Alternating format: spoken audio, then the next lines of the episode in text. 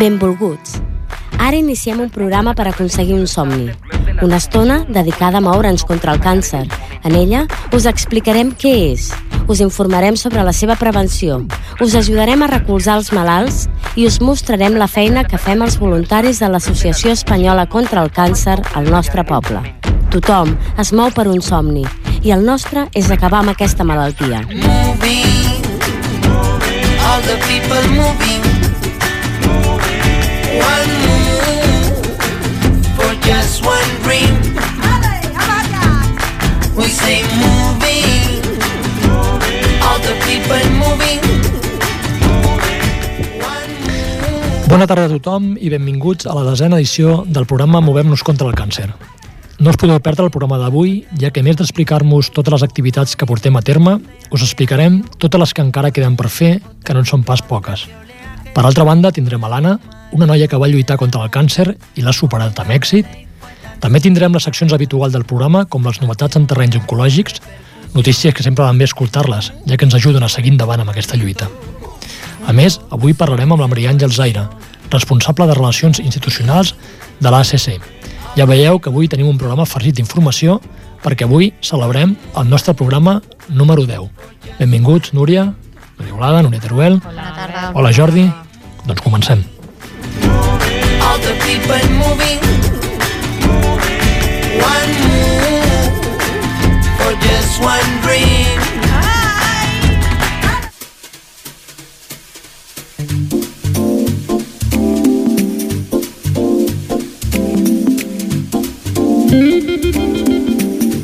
Els voluntaris.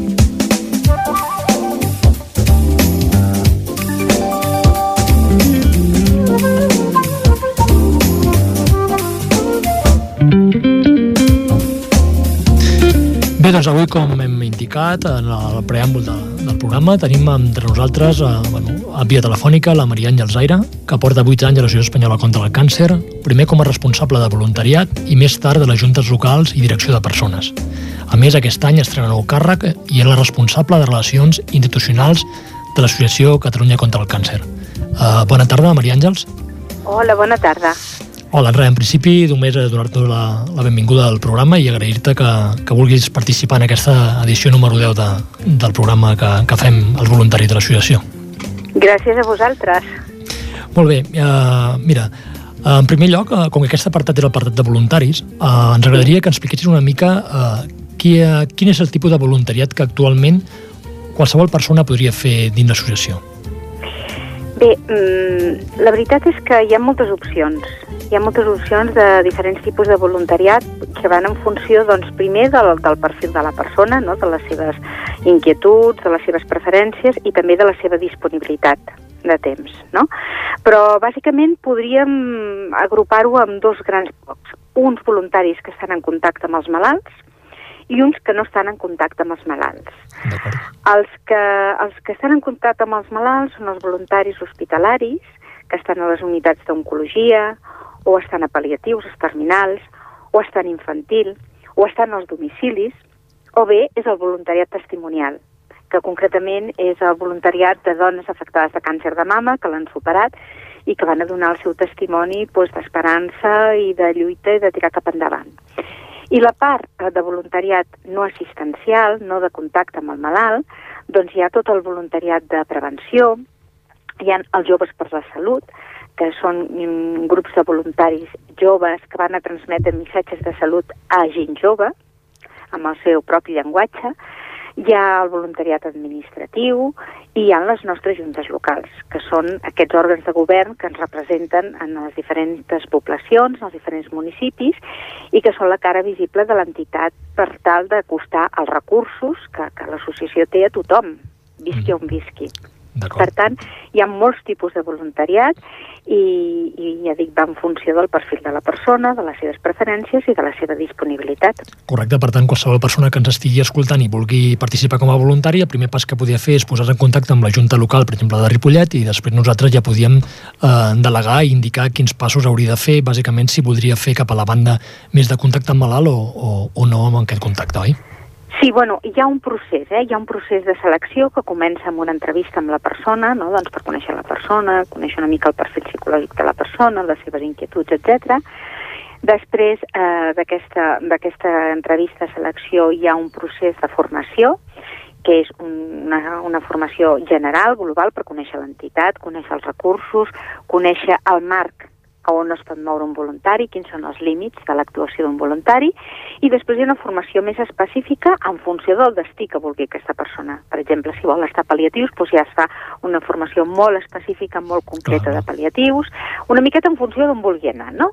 I, I tot això és acompanyat per, per un coordinador de voluntariat, vull dir que sempre li pot donar el suport i fer un seguiment doncs, de la seva acció voluntària. Per tant, és un procés que, que, que és bastant complex en el sentit de que és molt senzill, és molt senzill, però sí. vull dir que és un complex, és, és un procés en el que en cada moment eh, hem de tenir compte d'una sèrie de premisses, clar. no? I estar sempre al costat del voluntari. Clar, clar, clar, clar. Bé, uh, Maria Àngels, també m'agradaria preguntar-te una mica que, què pot esperar un malalt de càncer, un familiar, de la nostra associació actualment? Que, que, com podem respondre-li? Què pot esperar de nosaltres? Mira, jo t'ho resumiria en una frase i després t'ho explicaré més Digue. específicament. La frase diria que cap persona que tingui un càncer, i quan parlo de persones em refereixo al propi malalt i la unitat familiar, que per nosaltres és un tot, cap persona que tingui càncer s'ha de sentir sol. Aquest Correcte. és el nostre missatge. Molt bé. Com molt diem, l'únic que ha d'estar sol és el càncer. Mm, sí, molt bé. Aleshores, quins recursos podem donar? Doncs mira, des d'una atenció psicològica mm, personalitzada tant, tant a la persona afectada com en el, en el familiar, no? perquè moltes vegades és el del costat el que necessita més suport, més que el propi malalt. No? Això ho veiem molt al cas sí. dels nens. En els nens que tenen sí, sí. càncer, bueno, els nanos tenen unes eines pròpies i una actitud mm, increïble, no? i de vegades són més els pares que necessiten aquest suport. Bé, doncs aquest suport psicològic a nivell individual, també a nivell grupal, vull dir, es fa un suport eh, tant a, en el final del procés, vull dir, si s'han de fer grups de dol, eh, grups de supervivents, etc etc. Després hi ha tota la part d'atenció social, hi ha moltes persones que no tenen recursos suficients què et diré jo, per comprar medicació sí. o per comprar una perruca sí. o préstec de material sanitari, tot això està a la seva disposició. Després també fem eh, moltes accions de prevenció fonamental, fonamental sí. tant en els nens com en els adults, però jo diria que en els nens és on, on s'ha de començar a incidir, no? en què adquireixin aquests hàbits de vida saludables. Tenim molts programes que estem ofertant a les escoles per treballar-los dintre de les tutories i dintre de la, de la pròpia, de la pròpia escola. Eh, hi ha tota la part de, de prevenció també a nivell de les empreses, que també oferim programes específics per a l'empresa, perquè els treballadors des del seu propi lloc de treball doncs, vagin també formant-se amb, amb una sèrie de criteris eh, d'hàbits positius, no?, de vida, saludables, tota, a part d'aquesta part de prevenció, d'aquesta part d'atenció directa al malalt, donem molts diners, molt suport a la investigació, perquè la investigació és l'única manera d'afrontar, parar i, i evitar pues, que això es vagi més i que el malalt cada vegada parlem més de supervivents i més qualitat de vida, per tant la investigació és un altre, un altre puntal de la nostra entitat. És a dir, el nostre objectiu és donar un suport durant tot el procés de la malaltia, abans, amb els temes de prevenció, durant la malaltia, amb els recursos psicològics i socials d'acompanyament amb els nostres voluntaris, tant en els hospitals sí. com, amb, com amb, amb pal·liatius, etc. I després del procés de la malaltia, o bé sigui donant suport al supervivent, o bé amb els grups de dol, amb, la, amb els familiars. Ara també hem posat en marxa un programa que és molt maco i creiem que és molt, molt important, que és el primer impacte. Mm -hmm. Aquest és un projecte Aquest nou, eh? De la... És un projecte... És un projecte nou, sí. sí. És un projecte nou i que volem extendre el màxim possible. I que consisteix en que en el moment del diagnòstic, màxim, en dos mesos des del moment del diagnòstic, la persona afectada, afectada tingui eh, una visita per part d'un psicòleg nostre per detectar les necessitats tant emocionals com socials que aquesta persona pot tenir degut en aquest diagnòstic de malaltia, no? de, de càncer. De la mateixa manera que fem prevenció física, doncs també hem de fer prevenció a nivell emocional, a nivell psicològic i a nivell social. És a dir, si, si tenim una persona que li acaben de fer el diagnòstic i que evidentment això trastoca tota la vida, no? Vull dir, realment és, una, és un mazazo, no? Com, com es Clar, diu en clar, castellà. clar, clar, és un moment és important. un mazazo. Doncs, eh, si veus que aquesta persona realment no tindrà recursos i que entrarà en una depressió o tindrà unes necessitats, doncs ja el derives a un professional. Clar. O bé de la pròpia entitat o bé dels recursos que hi hagin al voltant, perquè este, això, aquest programa es desenvolupa als hospitals. Per tant, normalment es deriva en els professionals del propi hospital, i si no, l'associació, és a dir, on sigui, però derivar-lo abans que apareixi el problema. Si veiem que és una persona que perdrà la feina, que tindrà problemes en recursos, tal, doncs ja l'informem, ja l'assessorem, ja el guiem cap a on pot anar, doncs perquè abans que apareixi la necessitat, doncs ja sàpiga que allò ho pot tenir cobert. Clar, tot això una mica, també la funció nostra de la Junta Local és transmetre a, a la gent, que a vegades ens pregunta quina és la vostra tasca, doncs eh, és bona saber-la i tenir-se conscient per fer una difusió màxima, màxima realment de, del que és, que moltes vegades també com la nostra tasca és una mica el tema de la col·lecta econòmica i tal, amb aquest temps de crisi i desconfiança també a vegades eh, ens costa, no, no ens costa, però sí que hem de fer una mica de pedagogia a, a les persones per donar a conèixer quins són els serveis de, de, la, de la nostra associació. Per tant, és, mm. està molt bé aquest, aquest resum que ens has fet una mica per, perquè tot el poble i tothom que estigui escoltant ho, ho sàpiga, que a vegades no, no ho sap. pues això és importantíssim, perquè Sí. realment les nostres juntes locals tenen, tenen una funció importantíssima, perquè podem tenir molts recursos, però si les persones Sí, no arriba, no saben clar. Que Sí, sí, estan sí. a la seva abast, no som útils. I la Junta Local fa una acció importantíssima, importantíssima. Eh, fins i tot moltes vegades mm, la pròpia Junta no és conscient Ja. de, de la tasca que està fent, no? perquè moltes vegades hi ha persones que se n'assabenten doncs, per accions que fa la Junta al carrer de que tenim aquests recursos i moltes vegades truca Sí. directament a la Junta Provincial per demanar-lo. Sí, sí, sí. sí. Eh, no sap mm. igual que en el poble també més a prop seu té algú que podia haver... La primera informació la podia rebre des d'aquí, no? Sí, exactament, la podria rebre des d'aquí, I- però fins i tot a final d'any nosaltres tenim una relació totes les persones, per exemple aquí a Ripollet, doncs, que, que, que han vingut eh, i que se'ls ha donat assistència. I Ah. tot això és gràcies a la tasca que està fent la Junta Local, Mhm. gràcies a la visibilitat, a la difusió que en fa en tots els àmbits, tant a nivell de població general, com en les escoles, com en determinats eh, grups. No? Per tant, mm, sense les juntes eh, difícilment podríem fer arribar tots aquests recursos. Doncs, eh, molt bé, Maria Àngel, sabem eh, només agrair-te la, la teva presència. Sabem que tenen una, una reunió d'aquí pocs minuts també en relació a la, a l'associació i res, des d'aquí de Ràdio Ripollet, de la Junta Local, et volem eh, saludar i agrair que hagis compartit aquesta estoneta amb tots nosaltres. Moltes gràcies a vosaltres per la tasca que esteu fent. Vinga, molt bé. Eh, Bona tarda. Adéu. Adéu, Àngel.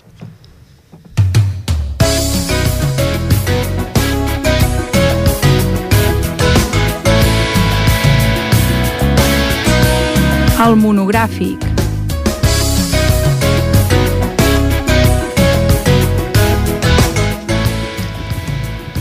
La taxa de mortalitat per càncer a Espanya ha disminuït un 13% a les últimes dues dècades. A Europa aquesta taxa ha tingut un descens del 20%. La primera causa de mort segueix sent el càncer de pulmó, que suposa un 20% de la mortalitat per aquesta malaltia, seguit dels tumors colorectals, que suposen el 14%, i a molta distància el càncer de mama, amb un 6% de taxa de mortalitat. Aquestes són algunes de les dades presentades per la Societat Espanyola d'Oncologia Mèdica i que incideixen en la importància de parlar del càncer amb normalitat i sense estigmatitzar-lo. Els casos de càncer augmenten any rere any, però és degut bàsicament a l'increment de població més gran de 65 anys. L'elevada esperança de vida de la població fa que una proporció molt alta dels tumors es registrin en persones més grans de 65 anys, però sobretot volem remarcar el fet aquest, del 13% ha disminuït a Espanya i el 20% en Europa. Per tant, ens agrada donar aquest tipus de notícies.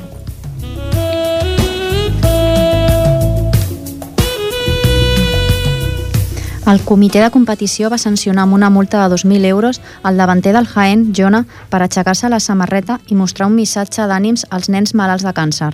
Segons competició, el futbolista havia incomplert el codi disciplinari. El propi esportista no podia creure's que fos delicte mostrar una samarreta interior amb un escrit que deia «Ànimo pequeñines», amb motiu del Dia Mundial contra el Càncer Infantil. Amb aquest gest, el davanter del Jaén va voler dedicar el seu gol als nens malalts de càncer i en especial en una nena de 14 anys amb leucèmia que necessita un trasplantament de mèdula i que havia acudit a l'estadi a veure el partit. A més, fa uns dies havia mort el porter del juvenil del Jaén de 17 anys també per una leucèmia. Segons el Codi Disciplinari, un futbolista és sancionat si s'aixeca la samarreta i mostra qualsevol classe de publicitat, i agenda, lema, sigles, anagrames o dibuixos, seguint els que siguin els seus continguts o la finalitat de l'acció. Moltes veus es van aixecar demanant la retirada de la sanció i acusant el comitè de falta d'humanitat, entre elles la de l'Associació Espanyola contra el Càncer, que va recordar al comitè que gestos com aquests ofereixen suport a pacients i familiars i són una mostra clara de solidaritat. Finalment, des del Comitè d'Apel·lació de la Reial Federació Espanyola de Futbol es va estimar el recurs presentat pel jugador i es va revocar la sanció imposada.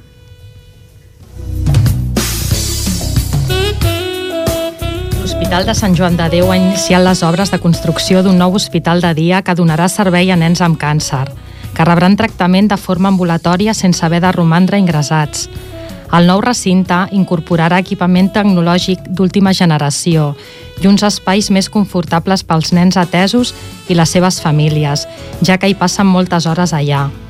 Actualment, a l'Hospital de Sant Joan de Déu es faran unes 6.000 sessions de tractament a l'any i la prevenció és que arriben a les 10.000.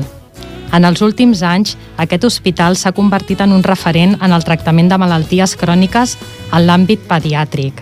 Això ha provocat l'augment del nombre d'usuaris de tota Espanya i les instal·lacions a l'hospital de dia han quedat petites. L'hospital ha iniciat una campanya per recaptar fons per realitzar aquest projecte, que té un cost d'un milió d'euros i que estarà acabat a finals d'aquest any. De moment, s'han recaptat 100.000 euros, gràcies al jugador del Barça, Xavier Hernández, i a la seva dona, Núria Conillera, que van donar les aportacions que van rebre com a regals del seu casament. El futbolista blaugrana va decidir sumar-se al projecte després de conèixer l'any passat a un nen malalt de càncer que estava ingressat a l'hospital i que no va superar la malaltia.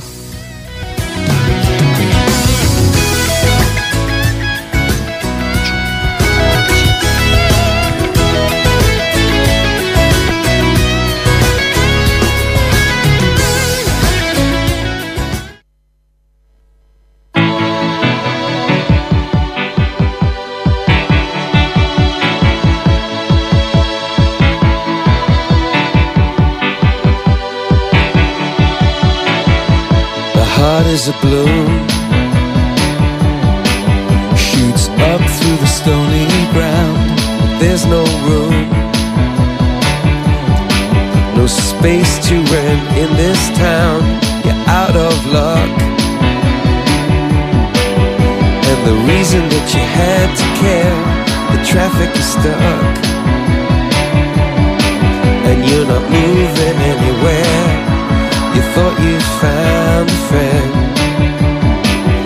take you out of this place. Someone you can lend a hand in return for grace. A beautiful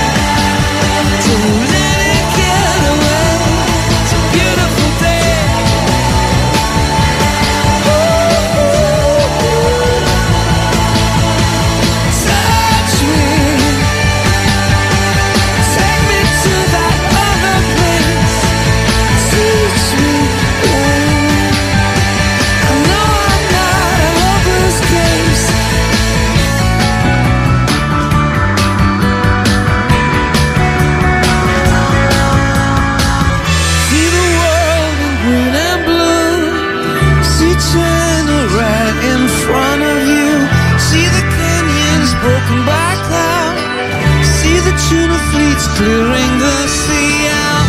See the bedroom fires at night. See the oil fields at first light. And see the bird with a leaf in her mouth. After the flood, all the colors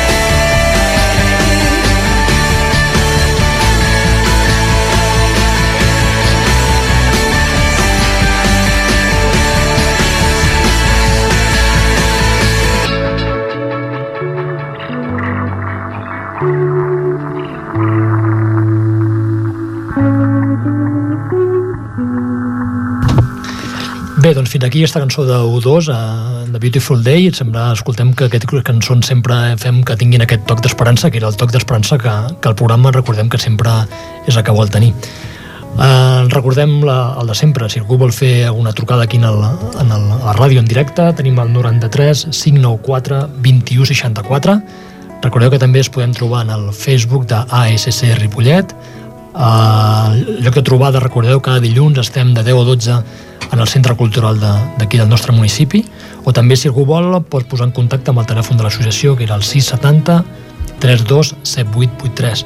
Repeteixo, el 670 32 7883, que com abans ha dit la Maria Àngels Zaire, tenim aquests dos tipus de voluntariat. Nosaltres ens referim més al voluntariat de tipus que no està en contacte amb el malalt, sinó la, la nostra funció principal és la d'obtenir recursos econòmics per a la investigació i per a Catalunya contra el càncer i també difun, difus, difundir al màxim el que és prevenció, etc sobre la malaltia. Per tant, ja ho sabeu, eh? si voleu participar i ajudar-nos a nosaltres i a col·laborar per lluitar la malaltia, per vèncer-la, era el 670 32 7883. Gràcies.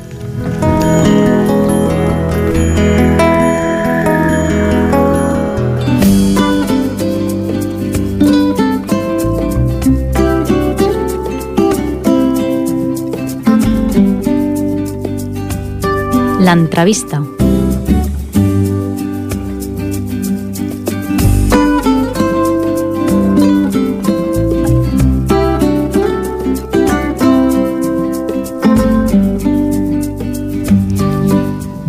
Arribem a la part central, jo diria segurament la part més interessant eh, més, eh, de, del programa, que seria l'entrevista. Avui ens acompanya l'Anna Ramírez. L'Anna és una noia de 18 anys eh, que amb 16 anys li van diagnosticar un, un osteosarcoma, que és un tumor ossi a, a l'húmer. Va fer tractament amb quimioteràpia i també prèviament amb cirurgia i doncs, la tenim aquí ja com per donar-nos exemple de, de superació de, de la malaltia. Agraïm també la Montse Selves, com igualment vam fer la setmana pas, el mes passat amb el David, que va ser ella una mica qui ens la va presentar entre cometes quan ens va deixar un article que va difundir ella a partir del Facebook que la Núria Teruel ens va portar de la doctora Melo d'aquí del Taulí i a partir d'aquí ens, bueno, ens vam pensar que seria una, una molt bona entrevista i ens feia il·lusió. Per tant, avui, doncs, gràcies, Anna, per, per estar entre nosaltres i també gràcies a la Montse per aconseguir aquest, aquest contacte. De res, gràcies a vosaltres. Bé, eh, en un principi començarem una miqueta... Jo pensaria una mica enfocar l'entrevista com en dues parts. Una primera part on parlarem una mica de, del diagnòstic, de la primera reacció, etc. però també volem guardar una segona part com una part com molt positiva, perquè sabem que has col·laborat amb, amb, amb pallapupes, amb, amb, amb cosetes que més tant ens explicaràs una miqueta. Val? Ja, ja explicarem una miqueta aquesta segona part. Bé, només comencem com comencem una mica tot, perquè també pugui servir de mica de pedagogia als vostres oients.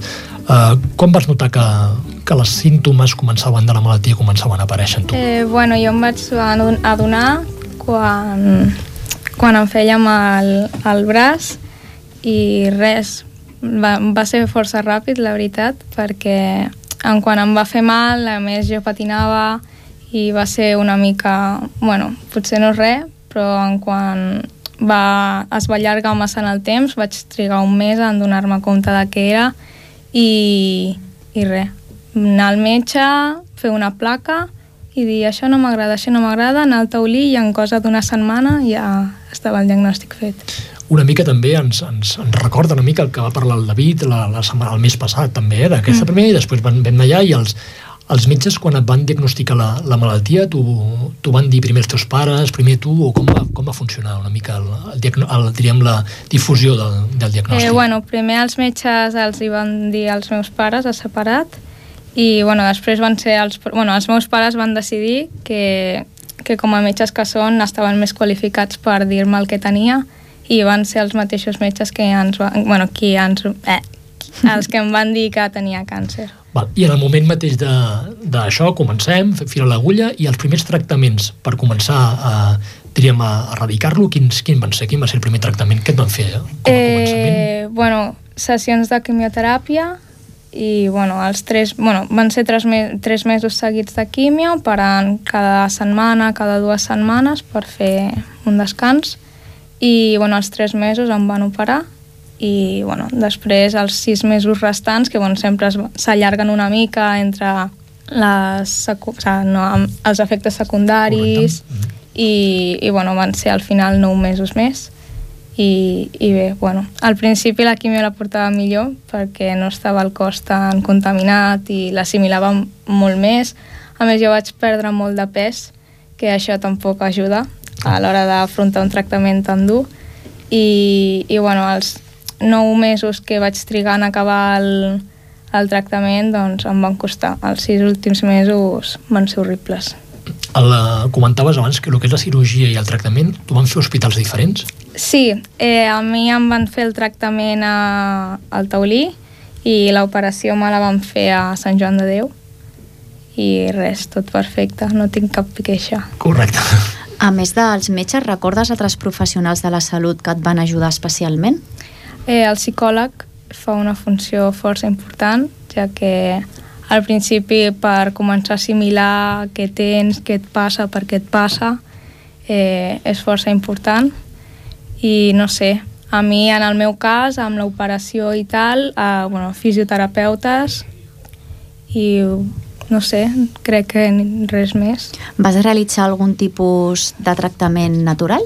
Eh, sí, jo, bueno, jo sempre he tractat tota la part mèdica amb homeopatia i la veritat és que en quan em van diagnosticar li vam dir a bueno, la doctora Melo que, bueno, que jo prenia homeopatia i res, va ser força oberta i eh, va intentar incorporar coses d'homeopatia que em podien venir bé, com defenses o pastilles d'aquestes naturals, Naturals. Pel, per afavorir a la fam i Ahà. bé, bueno, em va anar força bé.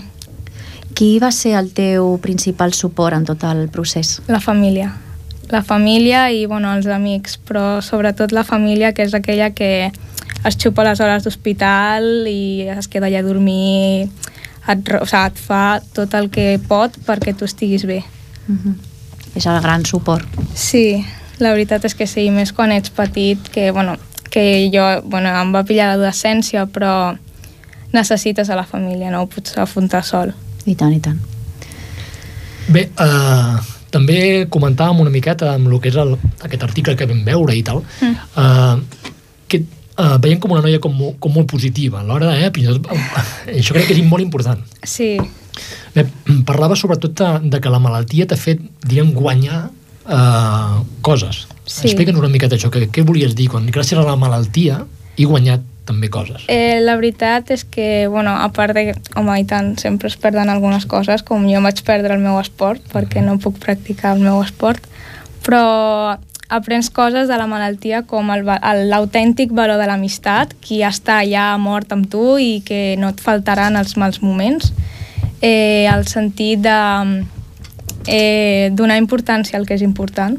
Uh, no sé, els petits detalls, ja que algú et somrigui, que algú et faci riure quan estàs decaigut i no vols ganes, no tens ganes de res, això et fa valorar la vida d'una altra manera. I és el que més he notat de, després de l'enfermetat és un, mira, me n'adono que això abans no li donava importància i ara, ara li dono perquè la té. Uh, clar que sí, també uh, ens, voldria que ens expliqués una miqueta que la Montse em va comentar. Aquest estiu passat vas anar a una ciutat irlandesa que es diu Barrenstown, Barrenstown. right? correcte, que vas conviure amb altres nens també que Sí. veien passar la malaltia. Qui- Quina era la teva tasca o com, com va anar?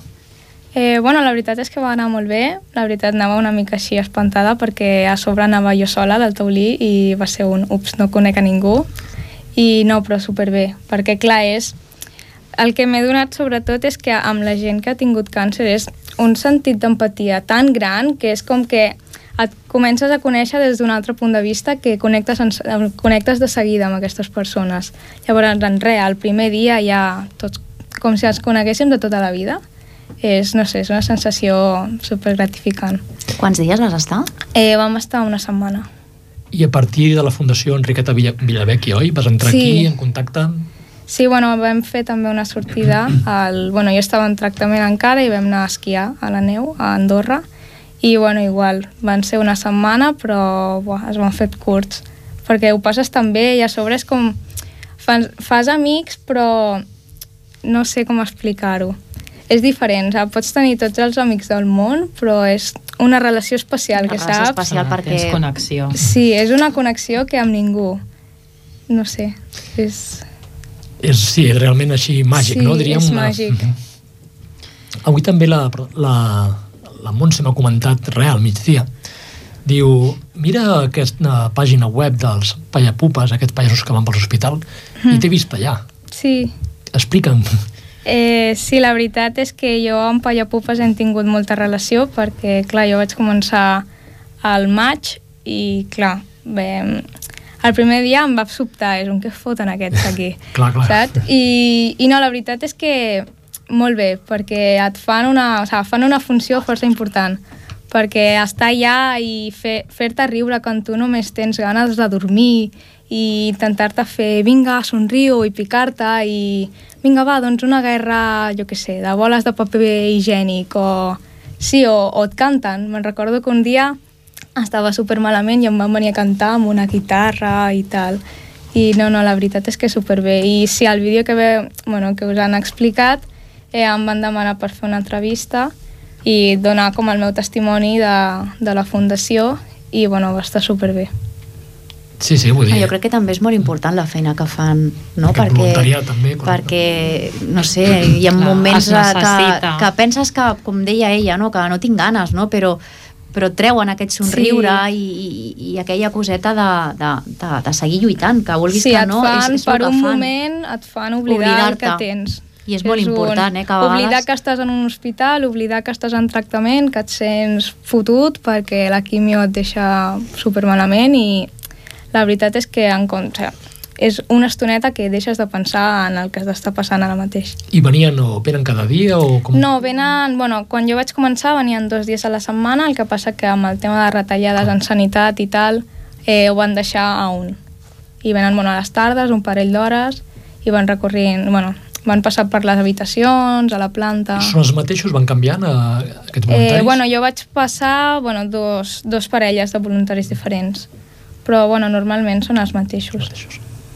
Ara, arrel de les retallades, l'altre dia per la tele feien un programa de que els pares es tenien que volcar amb els nens malalts amb oncologia i eren els propis pares Sí. amb els infermers i metges Mm. feien, bueno, ara feien, ara per Carnestoltes estaven muntant actuacions d'AVA Sí. i em va fer molta gràcia perquè vaig pensar, mira, la mare, el pare, el germà, la tieta, uh, per culpa de les retallades. És, Sí. és, és, és cruel una miqueta, no? Jo trobo molt bé que la família s'involucri, però en aquests moments les retallades en aquest aspecte no hi tindrien que ser, penso. No. El que passa que, bueno, les retallades les estem patint tots, Doncs tots. sí. Per això una mica també la tasca de la nostra de, la, de les juntes locals, és a dir, col·laborar perquè sigui el poble, diríem, el que, Clar. que col·labori, ja que des de nivells governamentals no arriben tant, per tant estem demanant una mica la població civil, que és la que ha de, ha de volcar-se més en aquesta, en aquesta faceta. Molt bé. Uh, tenim alguna pregunta? Aquest testimoni eh, ens agrada molt, eh, l'any passat, bueno, vam tenir el del David, també, eh? Vull dir, la Montse, també jo crec que la feina que fa doctora Melo, que la vam entrevistar sí. també, vas entrevistar-la tu, tothom, jo no la conec personalment, però tothom qui em parla, em parla com una... Bueno, jo la vaig, la vaig entrevistar i em vaig quedar paradíssima. És una persona superoptimista, em va encantar, superhumana, superpropera, mm, els nens que entraven tots la saludaven.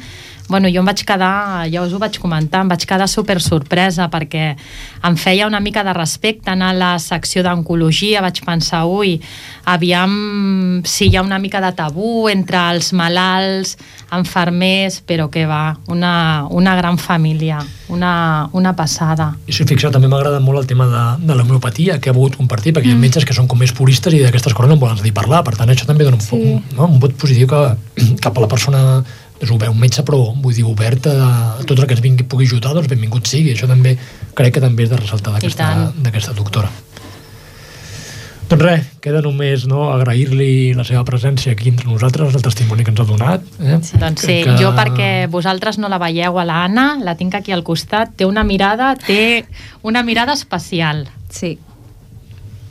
Molt, moltes gràcies per haver vingut, Anna, aquesta res. tarda amb nosaltres. Gràcies a vosaltres per donar-me l'oportunitat de donar aquesta ajuda a la gent que ho pot necessitar i res, quan vulgueu. Molt bé. Moltes gràcies, Maca. Merci. L'agenda.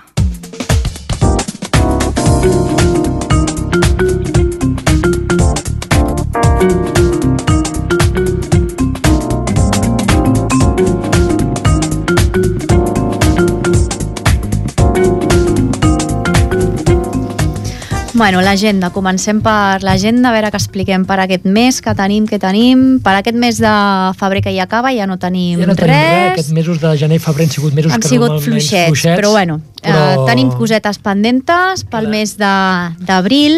Farem, si no ens equivoquem, ja vam comentar que faríem algo benèfic amb la Societat Coral al, al Vallès i ens han confirmat una data. Encara falta per acabar de, Encara però el més acabar. probable és que sigui el dia 6 d'abril, que és un diumenge, i serà a la tarda. Encara no tenim l'hora de no, tot cert, segurament ni... serà tarda cap a les 5, però el seu Bueno. director ens ha comentat que encara ha d'acabar de confirmar-ho. Però, sí, petits detalls que encara tenen... però jo de vosaltres podem reservar aquest dia 6 d'abril. Sí, perquè té molt bona pinta. Ja hem vist per aquí el projecte. sí, tenim un projecte, i té... un projecte que presentaran, que és aquest eh, llibre vermell de Montserrat, que participarà el que és la, a la coral, també amb la coral infantil, també amb els juglars de Ripollet, eh? és a dir, eh, una, un projecte que crec que el que fem nosaltres serà com una preestrena o l'estrena, per tant, uh -huh. és un projecte que ens fa il·lusió. Mhm. Sí. L'havien de fer el febrer, però no estava tot encara a punt i que ara el Jordi ens ha comentat que pel mes d'abril eh, sí que ho tindrem tot preparat. Per tant, eh, és una bona oportunitat per Sí, mira, per estic escoltar. mirant aquí en, un, en uns,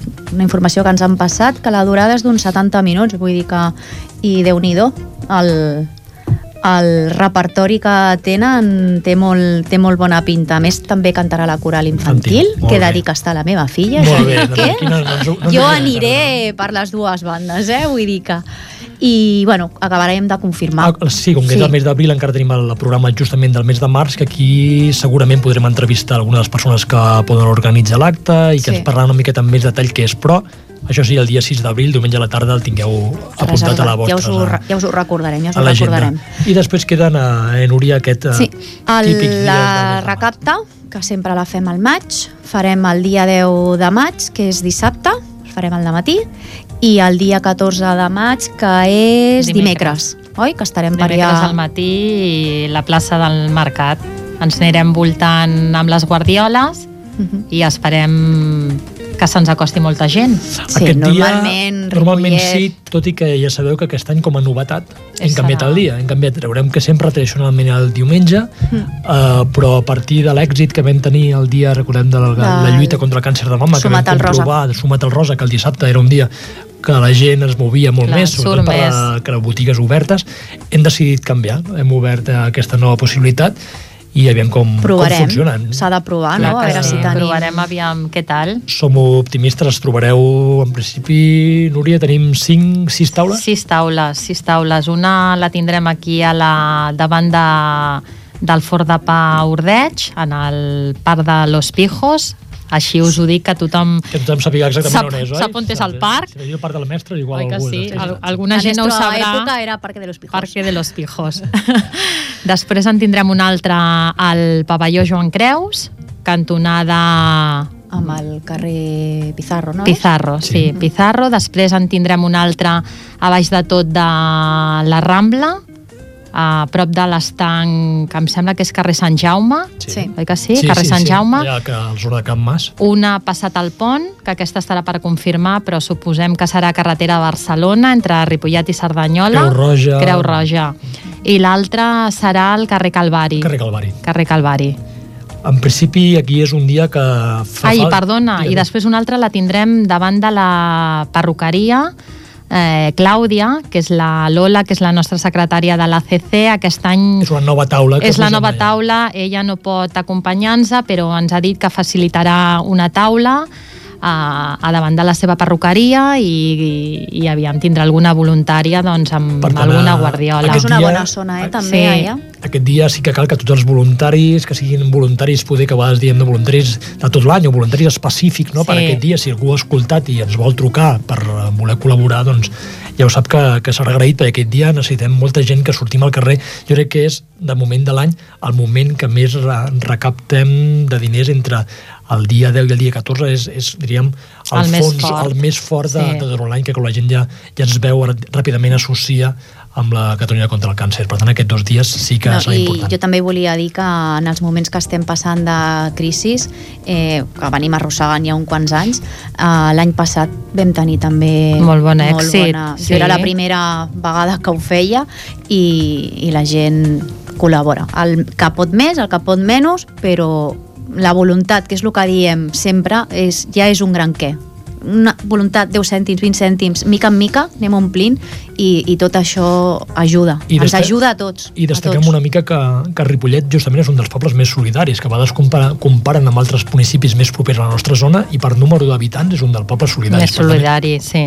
Haurien de continuar amb aquesta mateixa, mateixa línia i després per acabar, Núria, tenim Sant Jordi. Sant Jordi a la Rambla, el dia 13 d'abril, que muntarem també la nostra paradeta, farem el típic sorteig que fem cada any, que aquest any encara Encara queda per definir-lo. Estem, encara estem definint què farem i, bueno, més cosetes, farem alguna coseta, a veure si podem muntar algo de manualitats, que jo estoy ahí, a veure si, si, si, si algú, si, a veure si algú s'ofereix. s'anima, algú que s'anima, ens algú està escolti, escoltant. que ens ajudi a fer manualitats per després poder vendre, fer alguna cosa, però és que la Núria i jo soles no podem, l'Albert No, no, no, no, és gaire de manualitat, no, però no, gens. a veure si algú Si hi ha alguna que ens senyora que ens està escoltant a casa que sàpiga cosir, res, ganes que tingui de, de venir a passar una estoneta amb nosaltres. Tenim projectes, però, Tenim projectes, però ens falten necessitem- màquines de cosir. Necessitem gent. Que la gent jove no sabem cosir a màquina. Home, sí, però màquina no.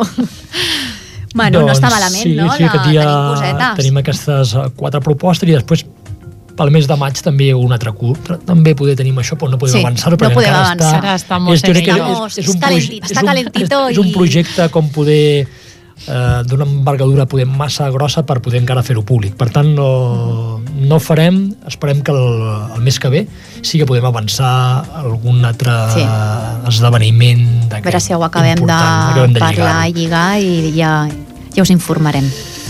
Molt bé, doncs fins aquí una mica el, el programa de- d'aquesta desena edició de, de Movem-nos contra el càncer. 10 ja, eh, nois? Ja en portem 10, ja vam començar l'octubre del ahir, 2013. que estàvem aquí al primer Sí. programa i ja n'han passat... En principi crec que més o menys nerviosos com avui, no que no variat gaire, però bueno, només eh, agrair a les dues Núries la presència, a l'Anna, també la seva mare. La seva mare que ens acompanya acompanyat. Que no vol dir res, no s'ha posat ni cascos El- perquè no li preguntem. Moltes el gràcies. tècnic de so, agraïm també al, al Jordi molt bé la seva tasca i doncs res, us esperem el, el, timec, el dia dimarts 25 de, de març aquí entre tots nosaltres el dia 25 de març del 2014 uh, agraïts a tots i seguim amb, amb la lluita molt bé. Moltes gràcies a tots. Gràcies.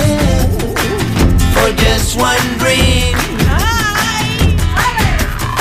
Tiempos de pequeños movimientos, movimientos en reacción. Una gota junto a otras de oleaje, luego mares, océanos. Nunca una ley fue tan simple y clara. Acción, reacción, repercusión. Murmullos se unen, forman gritos. Juntos somos evolución. Moving. All the people moving.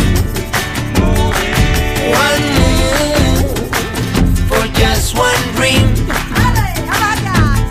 We say moving. All the people moving.